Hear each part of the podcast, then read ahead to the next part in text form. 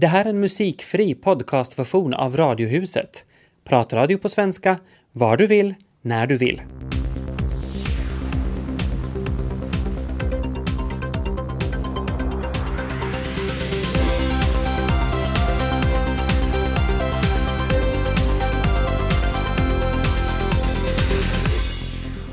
Vad får man egentligen säga i taxikön eller i förtroende till bästisen eller maken när man är förbannad på sin arbetsgivare eller utlev på jobbet?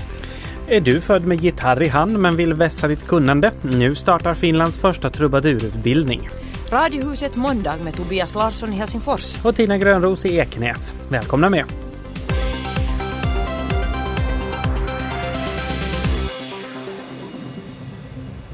Välkommen till Radiohuset, Stella Jonasson. Tack ska du ha. Du är linjeledare, linjeledare heter det för Visverket, Finlands första trubadurskola. Mm. Hur föddes den här idén? Ja, hörde, jag har hållit på med visor ganska länge. Nästan hela mitt liv kan man säga, mm, det vill säga väldigt kort tid. Eh, och det där, ehm, och jag visste att det finns visskolor i Sverige och så tänkte jag att det borde det finnas i Finland också. Och så råkar jag nämna den här idén i rätt sällskap, det vill säga Akans vice rektor Sabine Forsblom råkade höra min idé och mitt i allt så fick jag en, sån här, en kontaktuppmaning på Facebook. Att de var tända på min idé och, och därför så har vi startat den här linjen. Vad kommer man att få lära sig på den?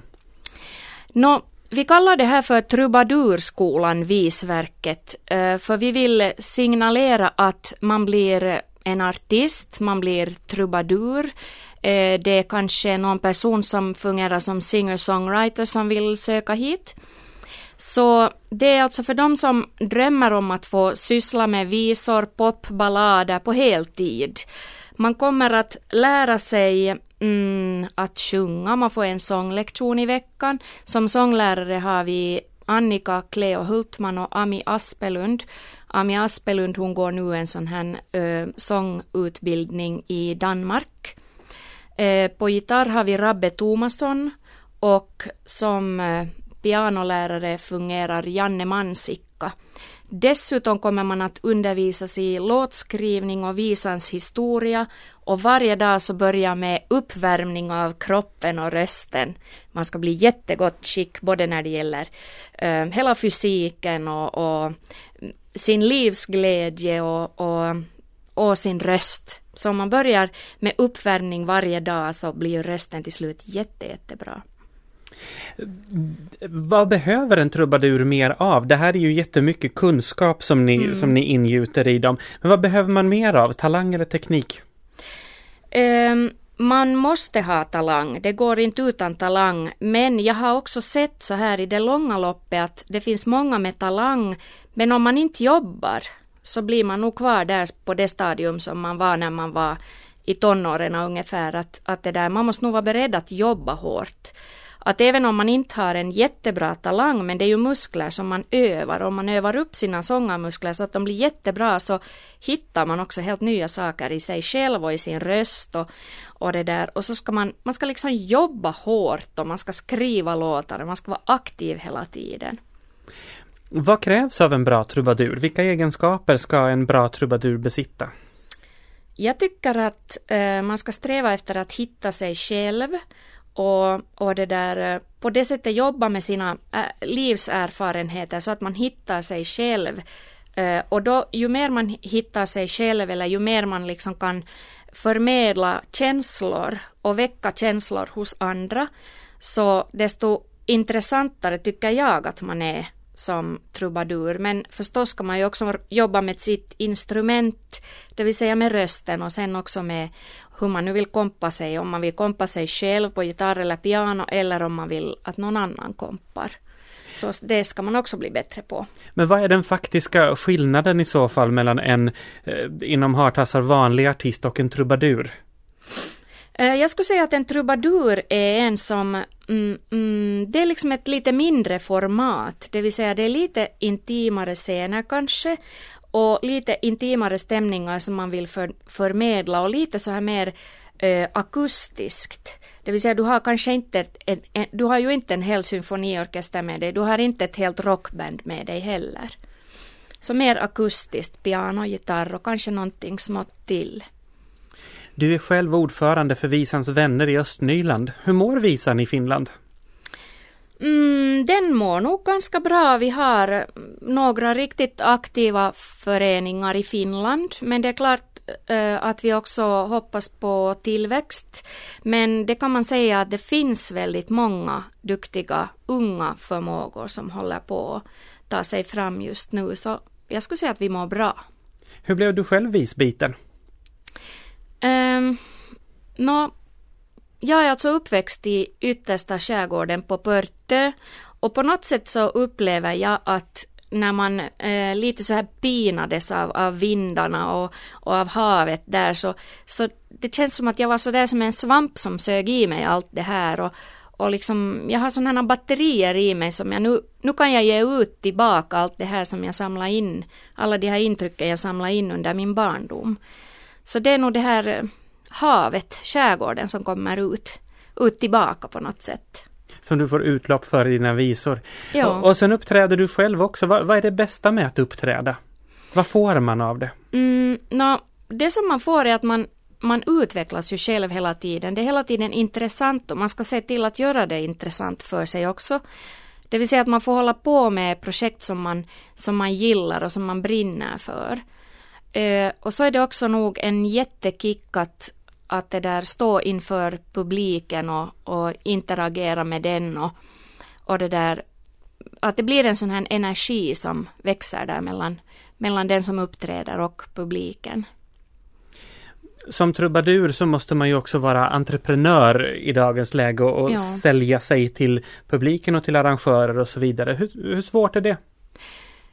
Nå, mm, inte det är ju världens lättaste sak, speciellt eh, eftersom Svensk-Finland ändå är ganska litet. Jag tror det är, det är ganska få som försörjer sig på, i Svensk-Finland som, som musiker på heltid eh, på, den, på den här nivån. Eh, jag talade om visor och pop och så här, men, men det där, mm, det går mycket bra nog att ha det som, som ditt andra arbete. Men väldigt bra är det att ha någonting annat också. Hur mycket entreprenörskap kommer ni att lära ut till eleverna vid Visverket? Vi strävar nog efter att ge dem eh, de färdigheter som behövs, det vill säga jag kommer nog att lära ut det som jag själv kan om hur man arrangerar konserter och, och det där konserthelheter, så det hoppas jag att, att eleverna också kan lära sig. När ska man söka in och vem borde söka in till Visverket? Eh, de som är 18 år fyllda, också vuxenstuderande som brinner för det här, de ska söka in till Akan i Borgo. Ni kan gå och titta på våra hemsidor, www.akan.fi. Linjer väljer ni och sen Trubadurskolan Visverket och så ska ni göra en anmälan. Eh, så vuxna människor, men förstås om det nu kommer någon jättebegåvad 17-åring så nu tar vi säkert in honom eller henne också. Tack så mycket Stella Jonasson för att du kom till Radiohuset. Tack. Den är otrolig, hela den här historien kring bil och transportfacket AKT och förbundets kommunikationsdirektör Hilka Ahde. Utan att känna till vad allt som egentligen har skett, vem som har sagt vad och när och hur och till vem, så har hela den här affären antagit sådana proportioner att de flesta verkar ha någonting att säga om saken. Ja, utom jag då som har varit borta på veckoslutet och missat hela saken och blev helt tagen på sängen nu på förmiddagen. Du hinner ännu. Ja, ja. Det, det, är inte slut ännu så du Nej, det hinner tror jag ha inte. åsikter kring det. Ja. Nu har du säkert hört någonting du också, bara du riktigt får fundera. Jo, jag, har nog jag har nog blivit eh, mm. briefad. Hilka Ahde blev uppsagd i slutet av förra veckan mitt under pågående polisutredning i, i vilken Ahde säger sig ha blivit mobbad av sin förman Timo Räty. Och jag för min del börjar fundera på veckoslutet på det här att Hilka Ahde skulle ha berättat till sin väninna, sångaren Virve Viki Rosti, att hennes chef är en fullständig skit. Att, eh, och sen skulle Rosti ha nämnt det här för AKTs viceordförande i en taxikö för ett och ett halvt år sedan. Mm. Alltså, mm. när jag började fundera på det så tänkte jag att mm, det här är då en av AKTs motiveringar till att Hilkahde sades upp. Låt det nu vara att det finns fler ingredienser än det här snacket i taxikön, men ändå. För jag börjar fundera på vad man får och vad man inte får berätta till sin bästis eller ens till kanske sin partner om jobbet. Tänk på det här med tystnadsplikt. Eh, det gäller ju många yrkesgrupper och deras kontakter med både kunder, patienter och klienter och så stora affärshemligheter naturligtvis. Jag förstår att man inte får berätta åt en endast en kotte om sånt här men mer sådär allmänna grejer just att oh, fullständig skit när man är lite frustrerad. En situation när man håller på att bli helt galen på just till exempel chefen eller en kollega. Så vem ska man få berätta det för? Man kanske får skrika det är en sån här lufttät burk och så smälla på locket och låsa in det i ett skåp någonstans. Ja men då tror jag att tryckkokaren i huvudet kokar helt sönder. Ja, det tror jag också. Man mm. måste ju få avreagera sig någonstans, någon gång. Ja, och man ska ju inte få kacka i eget bo som man säger, eller bita den hand som föder en. Men om man då någon gång kritiserar sin arbetsplats eller beklagar sig över sin chef, och det här gör alla, mm -hmm. det kan mhm. jag säga, alla gör det, eller en kollega till exempel, så anser jag nu ändå sen att den som lyssnar ska förstå att inte vare sig i taxikö eller någon annanstans sprida informationen eller skvallr eller järme vidare. Framförallt inte till den som det gäller. Nej, jag hoppas innerligt att alla har åtminstone en sån vän, en vän med tystnadsplikt. Yle har idag fått ett nytt utseende såväl i tv-rutan som på webben och ni som har lyssnat på radion har till exempel på Vega hört en del nya signaturer. Så här små korta musiktrudelutter i bland annat de regionala sändningarna. Nya färger, ny logo. Vi har blivit turkosa. Och den största förändringen inom svenska Yle torde vara att FST5 numera heter Yle 5. Programchef eh, Nikolina Siliakus Korström, vad betyder det här nu för tv-tittarna? Nå, egentligen betyder det ju inte något så jättestort och dramatiskt för att det är ju i princip så att kanalen är ju den gamla bekanta kanalen men den har fått ett namn som, som kanske sitter lite bättre i munnen. Det är lite lättare att säga fem än en bokstavskombination som, som varken var hemskt lätt att säga eller till alla delar hemskt lätt att förstå.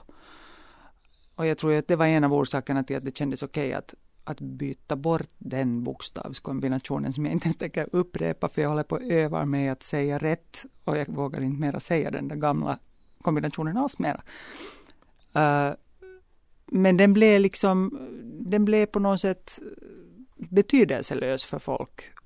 Och om man inte förstod att den stod för Finlands svenska television så blev det en helt obegriplig kombination som sen när vi dessutom började dela kanalplatsen med SVT World så, så blev de här bokstavskombinationerna och förkortningarna helt obegripliga, vilket man märker när man hör vad folk har kallat oss under det senaste halvåret. Så jag hoppas alltså... Ja, vad har de egentligen kallat oss? Vet du, det har funnits alla kombinationer. Det har varit FTV och STF och FT... Alltså jag menar, du, du, kan, du kan rada de här olika bokstäverna i vilken ordning du vill och det har garanterat funnits.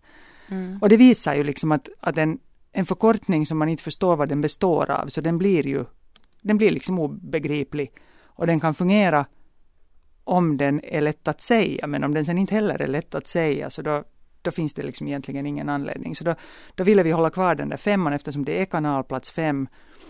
Och det där, och så kändes det viktigt att skriva ut det med bokstäver, för då kan det inte bli till exempel visi. Och då blir det också helt tydligt att det är något annat än, än TV Visi eller, eller Kanal Sänk eller de andra femmorna som figurerar i, i utbudet här i landet. Ja, vad heter kanalen på finska? Den heter, på, på finska heter den också Yle 5. Mm, men tror du faktiskt att de finskspråkiga kommer att tala om Yle 5 eller Yle 5 eller Yle 5 Yle 5 kanava? kommer de nog tror jag att tala om och sen, sen tror jag att det är ganska mycket, åtminstone här internt så talar våra finska kollegor hemskt mycket om femma utan det där Yle. Alltså femma, femmalla on sitä och femmalla on tätä. Och det tror jag att kan, kan fastna ganska bra. Jag tänker bara när de finskspråkiga är så stolta över sitt språk och medvetna om att allt går att säga på finska så i vilket skede finns det nog risken att det blir visi? No, den finns nog inte tycker jag i och med just, alltså den skulle finnas om, om det skulle stå som en siffra. Då skulle den ju vara helt uppenbar. Mm. Men i och med att den är utskriven så, så är den liksom mera ett egen namn än en siffra. No, och då är det inte liksom över, översättbar på det sättet. Domedagsprofeterna säger ju att namnbyte är början till att den svenska kanalen förfinskas. Vad säger du till dem? Jag säger att jag läser nog inte in något sånt i det här. Att jag upplever inte att det finns något hot som, som skulle utgöras av att, av att den här kanalen skulle bli förfinskad. Jag tror att, att det vi kanske i första hand kommer att se är att en del av våra program kanske kommer att börja synas också på de finska kanalerna, men i så fall som repriser eller, eller så här. Och, och sen kommer vi att finnas kvar som en, en svenskspråkig och nordisk helhet. Och där tror jag ju att kanske den här vår nordiska profil är en del av det som, som kommer att vara väldigt starkt. Och som också börjar vara så här att man märker att folk känner till att vi är Yles nordiska och svenskspråkiga kanal. Mm. Yles nya grafik, alltså det här nya utseendet, så kostar en hel del. För allt det gamla ska bytas ut. Mm. Varför ska Yle byta utseende just nu när vi i övrigt ska spara? No, dels, no, det är klart att det kostar. Klart att det här kostar. Jag är inte rätt person att gå ut och tala om precis hur mycket och för hela bolagets räkning och så vidare. Men det är klart att sånt här kostar lite.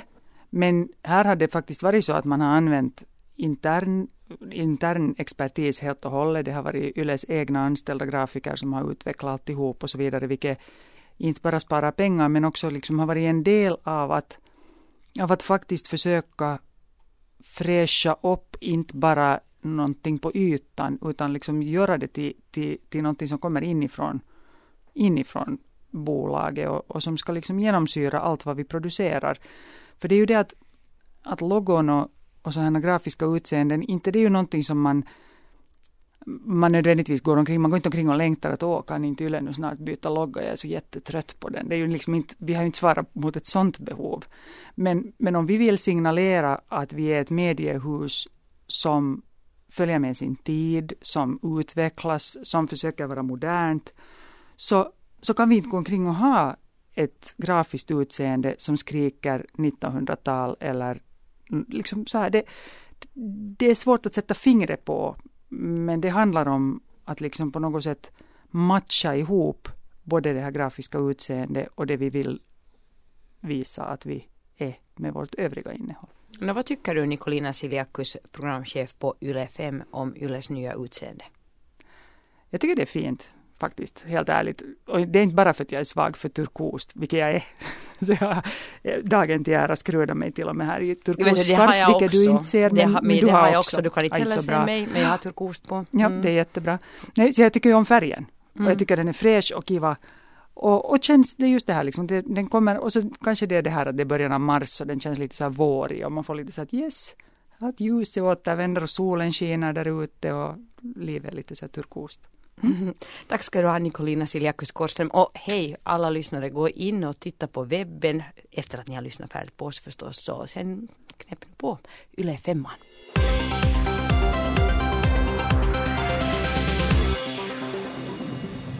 Lekte du mycket med lego när du var liten, Tina? Jo, nog hade vi så gamla legobitar som någon gång hade varit vita. Ja, jag skulle just fråga, hur såg de ut? Så var vita de så här... och röda. Ja, mm. och så kunde man bygga vad som helst. Man kunde bygga precis, det var bara fantasin som satte gränser så det fanns egentligen inga gränser. Mm. Mm. Idag ser jag i tidningen att um, Lego har eh, utmålats som en så här riktig bromskloss vad gäller jämställdhet mellan pojkar och flickor. Det du. Mm -hmm. När jag var liten så byggde alla med samma legobitar. Men mm. eh, för ungefär tio år sedan så höll lego på att gå omkull. Det gick jätteilla. Barnen spelade bara videospel och sånt och så försökte lego att ändra, att förenkla, att det skulle gå snabbare att bygga färdigt. Men det vill inte barnen ha. Och istället så nischade man in sig så och gjorde pojklegon och så gjorde man flicklegon. Och pojkarna de har eh, krig och riddare och action och polis och tjuvar. Och flickorna har så här ljuva små prinsesslegon, rosa små legoflickor som bakar cupcakes och sådana saker. Mm, och jag som alltid tyckt att åh, legos, nu det enda som goda med leksaksfabrikörer är att det där har man kunnat lita på att det har varit någonting som inte har varit sådär så förutsägbart. Och det visar undersökningar också att eh, föräldrar tycker att lego är bra förebilder och att lego mm. borde stå för sådana positiva värden. Så det här kommer ju då som en liten larmrapport skulle man kunna säga. Så eh, ja, vad ska man säga till föräldrar? Ni kan ju testa att blanda legorna. Blanda ihop de där eh, krigslegorna med det andra och se ifall de här krigarlegogubbarna kan gå hem och baka lite cupcakes sen efteråt.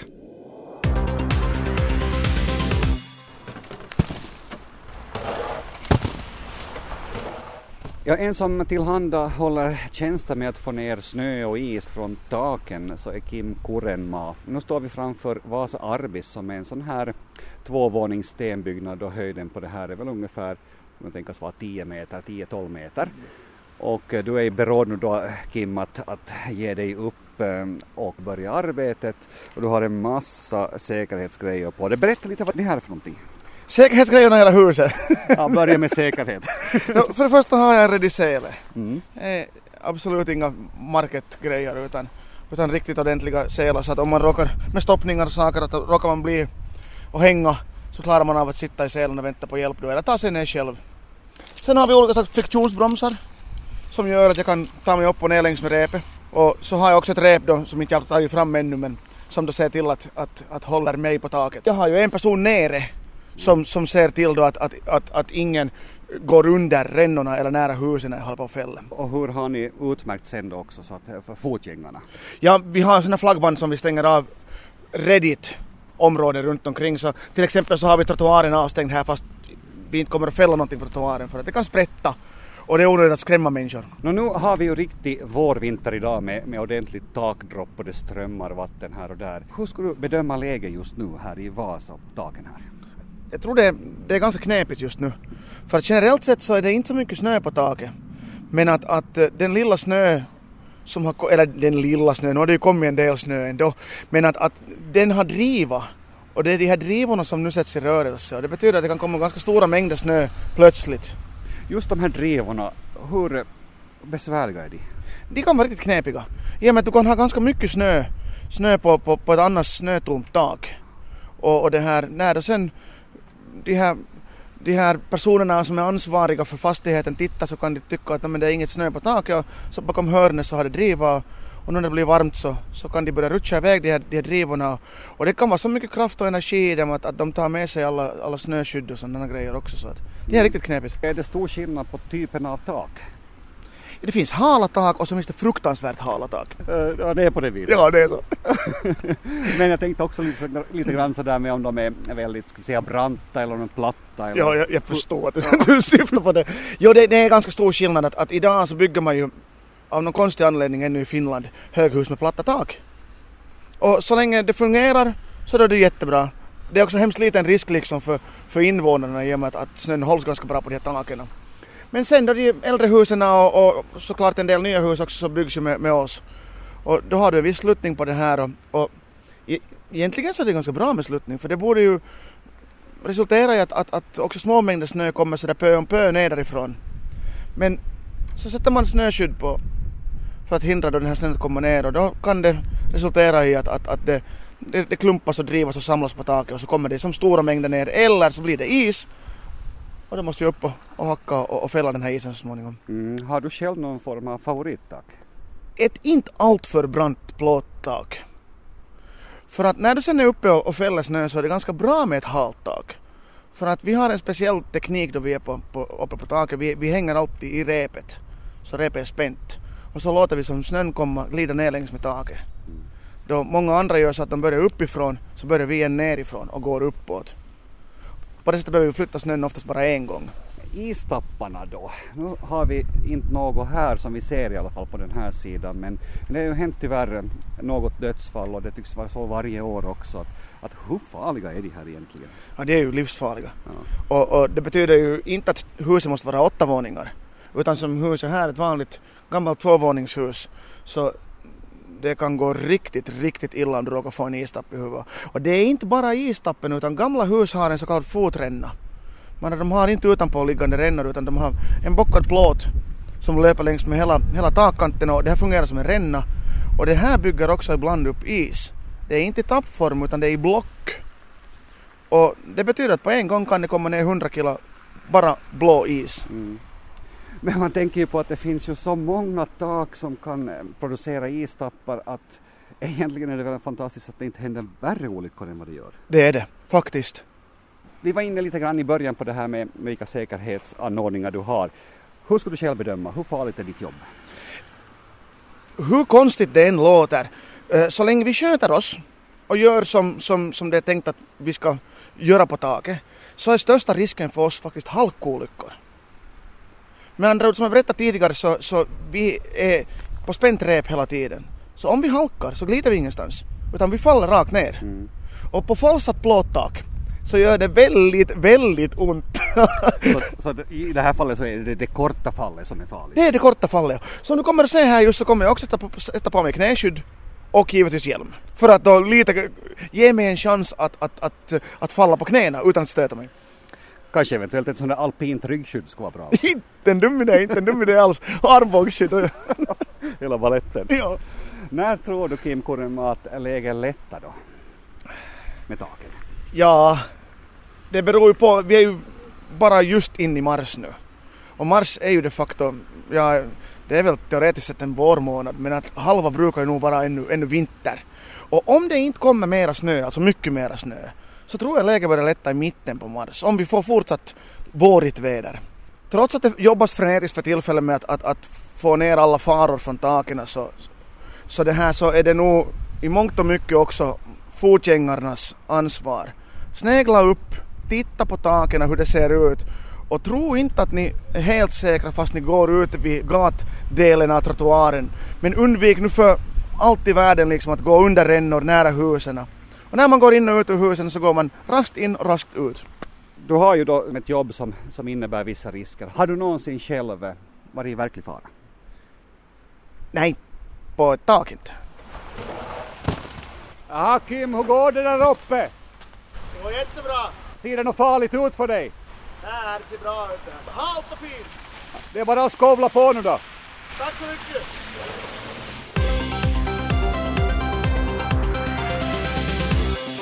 Det här var en musikfri podcastversion av Radiohuset som sänds i Radio Vega måndag till torsdag. Mer information om programmet hittar ni på svenska.yle.fi radiohuset.